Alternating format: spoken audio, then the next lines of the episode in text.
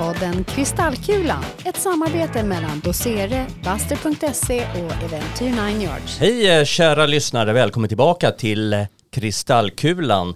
Podden där vi sätter oss i en framtidsfarkost och reser in i framtiden för att förstå hur den kommer att gestalta sig. Eh, med oss i studion idag har vi tre spanare, det är jag själv, Bobo av Ekenstam och så har vi Diana Uppman. Hej Diana! Hejsan, tack så mycket! Och vi har Jörgen Ramnelöv. Hej Bobo! Vad ser ni fram emot idag? Åh, jag ser fram emot att prata om fake news. Fake news, okej. Okay. Jörgen, har du någon?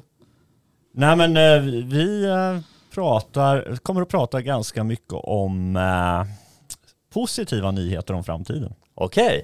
och temat för den här gången det är ingenting mindre än AI som det förkortas. Det står ju för Artificial Intelligence. Eh, och det här är ju någonting som inte är någon nyhet i sig, det har funnits ganska länge. Jag minns själv Eh, för typ 30 år sedan när en kompis till mig som var beteendevetare gjorde det han kallade en AI, det vill säga det var en eh, psykoterapeut som man kunde prata med. Eh, man kunde uttrycka att idag mår jag inte så bra. Och då sa den här AI, om vi kallar det för det, men eh, vad beror det på? Och så sa man, ja men det beror på att jag har sovit lite dåligt. Och då kunde den säga, men varför har du sovit dåligt? Eh, eh, är det någonting från din barndom? Ja. Ja, hörni ni, ehm, eh, så hela temat idag är AI som sagt och vi ska prata om eh, AI inom kreativitet. Vi ska prata om de positiva effekterna av AI och vi ska också prata om regler. Behöver vi liksom reglera det här med AI? Är det så eh, allvarligt? Så det är de tre temana idag. Spännande. Yes. Är ni beredda? Längtar. Ja, längtar. Härligt. Eh, jag inleder med att prata om kreativitet. Och eh, det är faktiskt så att det här med AI verkligen tränger sig in i den kreativa rymden kan man säga. Eh, det är så viktigt att KTH har fått ett anslag och ska tillsätta en forskare som har fått rätt mycket kulor för att undersöka vad innebär det här egentligen för den kreativa sektorn. Och att det här skulle komma är väl inte någon större överraskning. Det har ju funnits ett tag. Kanske var ett genombrott när den franska konstnärskollektivet kollektivet, det franska konstnärskollektivet Obvious med AI skapade ett konstverk baserat på 15 000 porträttbilder 2018 som eh, hette Edmond de Bellamy, ursäkta franskan, mm. eh, och såldes på Christie's för 4 miljoner kronor. Det var ja. ju i sammanhanget kanske inte så mycket pengar. Vi har ju pratat om andra konstverk som har kostat betydligt mer. Vem fick pengarna undrar jag? Ja men eh, det är väl som vanligt att eh, pengarna går till konstnären och en del går till auktionsfirman. Men konstnären var ju AI. Ja, eh, precis. Det var den som tryckte på AI-knappen. Mm, så det fanns en ägare. Ja, det var det här konstnärskollektivet. Ja, men det där är ju en väldigt intressant aspekt på det hela. Alltså vem, vem äger och vem styr och vem kontrollerar de här artificiella intelligenserna? Det är nog en av frågorna som är superintressant. Ja. Speciellt när intelligensen är intelligentare än vi människor och den som äger. Ja. ja. Och är en intelligens en egen entitet och person? Det är ju mm, intressant. Ja. Men det verkar vara lite så att man blir på något sätt en AI-ryttare. Det vill säga den som kan använda AI på bästa sätt är den som vinner. Det är ungefär som att göra musik. Det är, det är inte bara liksom trycka på tangenter på ett piano utan det är den som trycker bäst på tangenterna som är den som skapar de finaste verken. Och det verkar vara lite så med AI också. Att det handlar om att kunna hantera det. Vad händer när AI blir tillräckligt intelligent och kopplar ihop sig med andra AI-intelligenser och börjar skapa något själv? Nu har du tittat på alldeles för många science fiction-filmer hör jag det. ja, och vem äger verken då? Det kan man fråga sig. Ja, det, nu, Eller så har jag läst för mycket filosofi. Ja, nu har jag lite dålig research här, men jag har för mig att det är så att i Saudiarabien så är det en artificiell intelligens som har blivit officiell medborgare i landet. Mm. Och det, då lyfter vi ju det till nästa nivå. Liksom. Då är det ju inte längre någon bakom, utan då är man ju egen identitet eller en entitet som så har nu fick rättigheter du, och skyldigheter. Så nu fick du rosta ditt påstående på ett bröd? Ja. ja. Tillbaka till kreativitet. Det här tränger också eh, in i eh, musiken. Eh, och vi har en amerikansk artist som heter Taryn Southern som har gjort en hel skiva med hjälp av AI. Hon har använt ett startup-företag som heter Amper Music och deras AI-programvara. Eh, och ehm, för att gå händelserna i förväg så tänkte jag att vi ska lyssna på den låten som avslutningslåt, eh, titelspåret därifrån. Coolt. Ja, så det är ett sätt inom den kreativa sektorn och ytterligare ett är ett projekt som heter Everybody Dance Now där man kan tjonga in sig själv i en AI och om man nu är dålig på att dansa så hjälper AI till så att man eh, har de rätta movesen. Kanske någonting för Elon Musk, vad tror ni? Ja, och mig faktiskt. jag skulle behöva det. Ja, din framtid på dansgolvet eh, Härligt. är ju nu möjlig Jörgen. Så den tar över ens kropp på något sätt då? Eller åker mitt huvud in i, i en annans kropp och dansar åt mig? Eller hur fungerar det här? Jo, men jag har spanat lite på det. Det, det är professionella dansare som vet eh, vilka moves man ska göra. Eh, och när man eh, tar en bild på sig själv så eh, använder den de moves som de professionella dansarna eh, har använt sig av. Och min kropp rör sig på samma sätt som en riktig dansare. Mm. Så att det är lite intressant. Ja, men det här ställer ju eh, riktigt intressanta frågor kring framtiden för hela det kreativa yrket. Alltså, Ja, Nu pratar vi ju artister kanske och dansare då, men man kan ju ta ner det till att prata om eh, människor som jobbar på reklambyråer, kommunikationsbyråer. Vad ska de... eh, Eh, kommer de att bli bättre? Ja, Kommer men- de att bli arbetslösa? Vad tror vi? exakt, exakt. Ja, det är en bra fråga. Um, en kille som heter Martin Edenström som är copywriter och reklamare på en byrå. Han sa för några år sedan, det där med AI, det kommer aldrig liksom, eh, ta över våra jobb. Nu har han ändrat sig och säger att det är ganska nära, kanske inte ta över, men, men tveklöst att man använder AI i den kreativa processen professionellt allt mer. Och där har vi ju de här eh, spännande programvarorna som nu har börjat släppas upp på, på nätet med där man går till exempel text till eh, bild eller text till mm, video som ju har blivit liksom demokratiserade. Man behöver verkligen inte vara AI-programmerare för att få till det där. Utan det kräver en viss talang ändå. Men, nej, jag- Ungdomar gör ju det här hela tiden i TikTok. Ja. De tar ju hela tiden olika texter och lägger in som sätts med musik och sätts med rörelser och videos och sen läggs det upp. Och eh, copyright känns nästan som det är borta. Mm. Ja men precis. Eh, faktum är att Meta, det vill säga Facebooks eh, bolag, de håller på nu och tar fram något som heter Make a Video. Eh, där vem som helst, precis som ni säger, kan göra en egen AI-video. Eh, och bilder eh, tipsar lyssnarna kanske om två eh, programvaror. Dalé, eller Dali förstås, D-A-L-L och sen E2, Dali 2. Och Midjourney är två programvaror. Gå in på dem och testa själva. Jag har gjort det. Det blir inte, och, och där kan jag konstatera att man är inte AI-konstnär. Jag har en son som håller på med AI-konst och det blir jättefina saker. Det blir det inte när jag gör det. Så det var lite grann om eh, AI inom kreativiteten. Mm.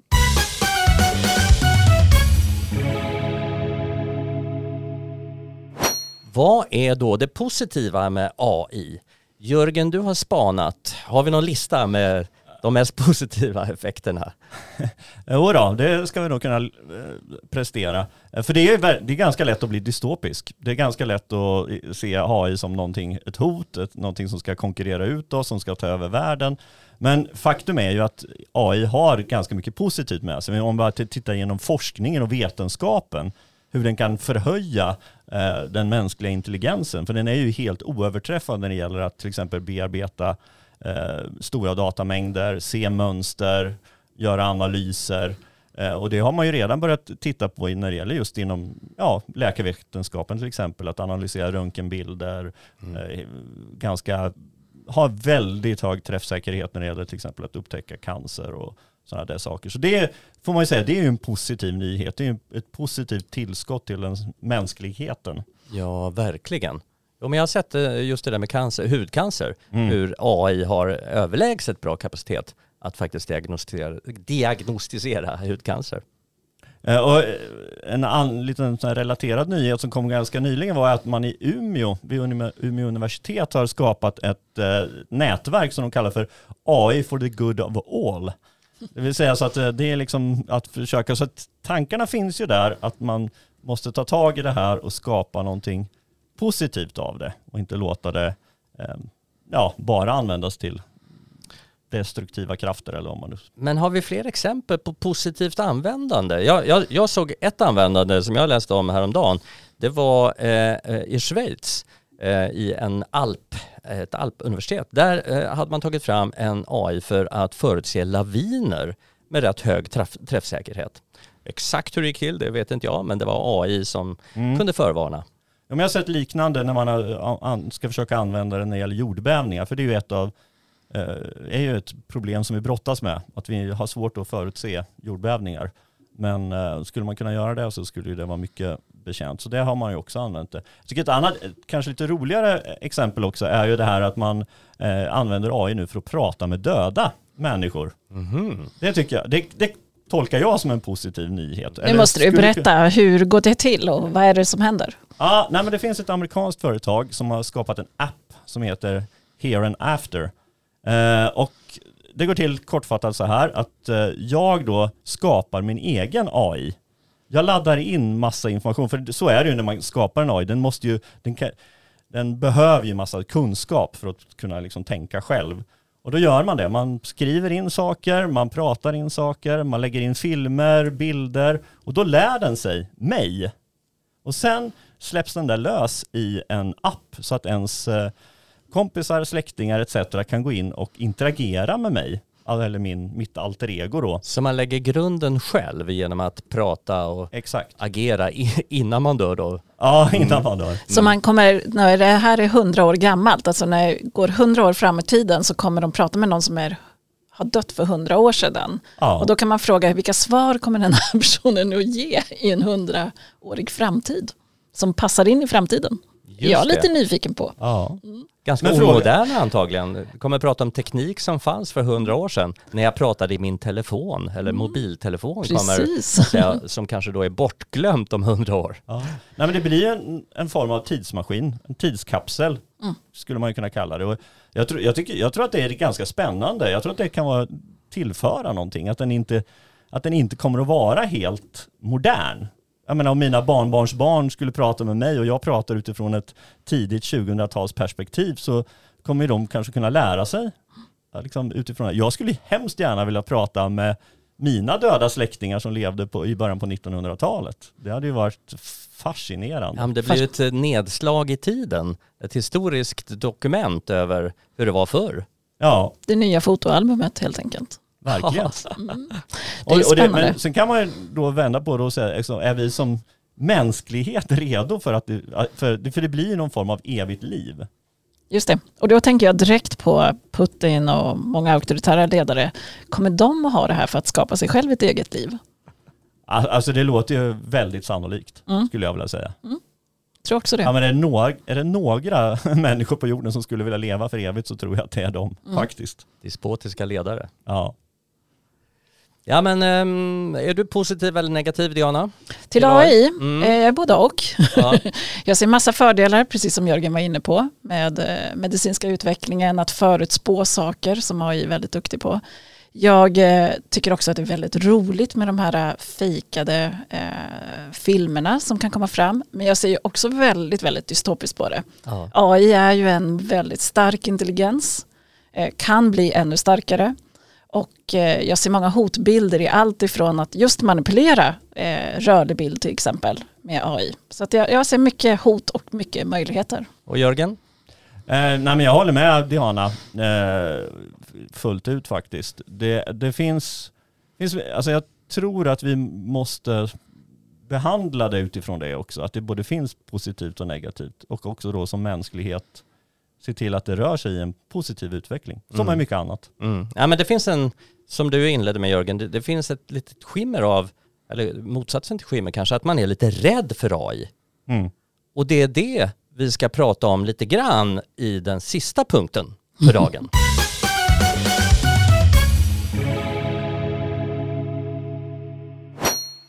Diana, du har tittat lite djupare på det här med lagar och regler och om det behövs och i så fall hur. Ja, det är spännande temat.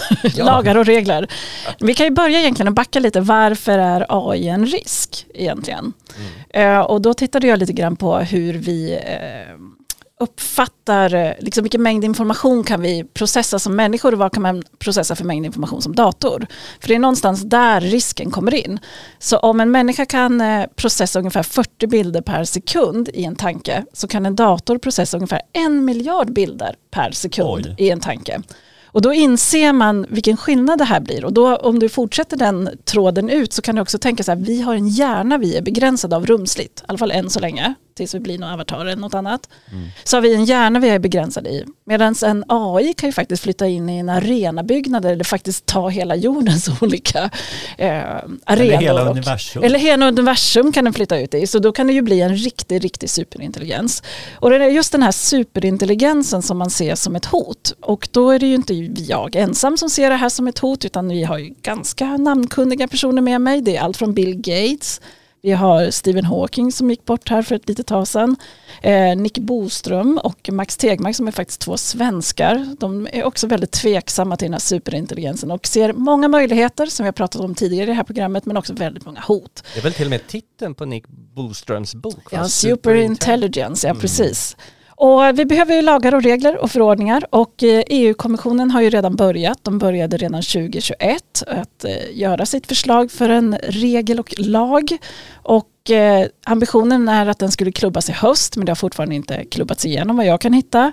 Och den här ska starta den här förordningen då redan hösten 2024. Så att det finns liksom något ramverk som ska reglera hur långt man får gå med AI.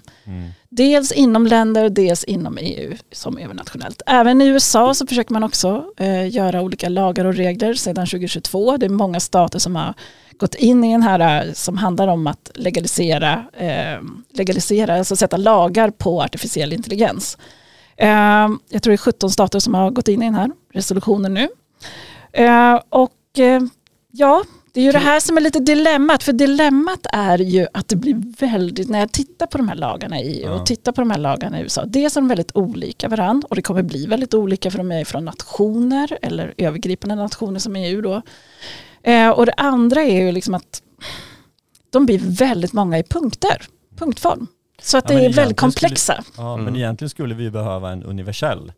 Jag menar, de känner ju inga gränser de här programvarorna Nej. systemen utan Ungefär som internet va? Det är ju helt gränslöst. Ja. Vi, vi skulle behöva globala internetregler. mm. Men eh, jag Och tänker globala på, AI-regler. Ja, exakt. Jag tänker lite på det där med deepfake och så. Det skulle i så fall kanske falla under någon regel att det där, ja det är väl kanske redan, för, är det förbjudet? med deepfake? Ja, jag tror att video? det är integritetsintrång, absolut. Om man väljer en Men det är befintlig person. svårt, det är ju svårt att bevisa det eh, om man gör det väldigt skickligt. Så Ja. frågan är ju liksom hur, just det här deepfake är ju egentligen eh, någonting väldigt, väldigt känsligt material. Så det är ju det svåra att bevisa. Mm. Ja, men det, är, Men, jät- det är jättesvårt och, eftersom det blir så, eh, alltså tekniken utvecklas hela tiden. Så till sist kommer vi antagligen nå en punkt där det inte ens går att, det går knappt att bevisa. Man vet inte vad som är sant och vad som är falskt. Men vi pratade om det där med upphovsman förut, vem som egentligen är upphovsman till ett eh, konstverk. Det kanske är samma sak här, man vet inte vem som är upphovsman till den där videon med, med eh, ja, vem det nu kan vara, eh, Zelensky. Men jag har en liten tanke här, jag har en liten spaning. Jag tycker att det blir för mycket regler. Jag tycker det här blir för komplicerat. Så nu tänker jag gå till där Jörgen alltid mobbar mig, att jag tittar på för mycket science fiction. Så finns det helt enkelt en science fiction, eller en science fiction författare, det är ju Isaac Asimov, som har gjort tre lagar på det här.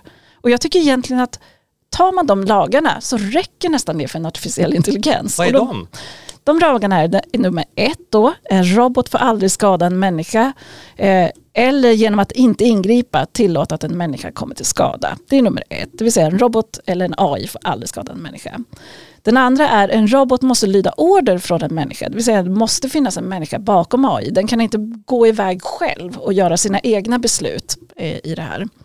Om inte den här ordern kommer i konflikt med första lagen att den skadar människa då, och den tredje är en robot måste skydda sin egen existens såvida den inte kommer i konflikt då med ett och två. Mm. Jag tycker de är geniala. Det går nästan inte att liksom inte förstå dem. Nej. Det kanske skulle räcka med de tre reglerna. Mm. Ja men tänk, tänk om vi alla... Tänk Snart vi kunde 100 komma år gamla överens. Ja, dessutom. dessutom. Vi har fortfarande inte kommit överens om det. Jag- Man tänker ju osökt direkt på det här med militär användning som ju då skulle helt vara uteslutet Mm. utifrån det här. Men Mm. Det ser vi ju tyvärr redan att man gör. Jörgen, vi pratade om begreppet deepfake eh, för en liten stund sedan. Vad, eh, går det att beskriva vad det är? Ja, men deepfake är ju ett sätt att använda den här typen av teknik då för att göra, eh, liksom manipulera videofilmer. Den där Barack Obama-filmen där Till man exempel tror... den. Ja, Mm. Man tror att det är han som säger massa tokiga saker fast han gör ju inte det för att det är liksom, liksom manipulerat. Ett lite, vi pratade militärt alldeles nyss. Ett lite klumpigt försök gjorde ju faktiskt ryssarna här nu i, våras när man försökte sprida en film som påstods föreställa Zelensky, presidenten i Ukraina, när han sa saker om att de skulle ge upp och så vidare. Eh, och det var ju ett försök att faktiskt skarpt påverka opinionen. Mm. Nu var det vä- väldigt klumpigt gjort och väldigt snabbt avslöjades. Men eh, Men hade man haft rätt programvara och rätt kvalitet, då är det ju uppenbart ett användningsområde för den elake. Eh, vi ger upp. Ja, men ner t- era tänk vapen. att skruva fram klockan tio år. Tänk den teknikutveckling som har varit de senaste tio åren på det här området. Då tror jag att eh, vi, vi de flesta av oss kommer att ha enormt svårt Ja. att skilja på Ja, för vad som är problem, sant och falskt. problematiken är ju att bilder och framförallt rörlig bild har ju alltid varit ett bevismaterial vi har litat på. Och nu slutar vi. Alltså ord kan förvrängas, ord kan ljugas fram. Men bilder har aldrig ljugit. Nej. Nu gör det det. Det är intressant, ja. En film, ja men du ser ju själv på filmen hur du eh, säger de här sakerna. Ja men det är inte jag.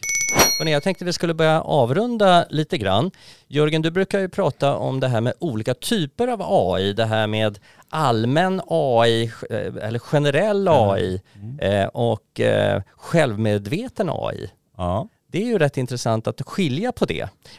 Det här med specialiserad AI, Mm. vad är det? Nej, men det är ju AI där man, har, man tränar upp den för att klara av en enda sak. Spela schack till exempel. Spela schack till exempel. Och general. General, då går vi till nästa nivå.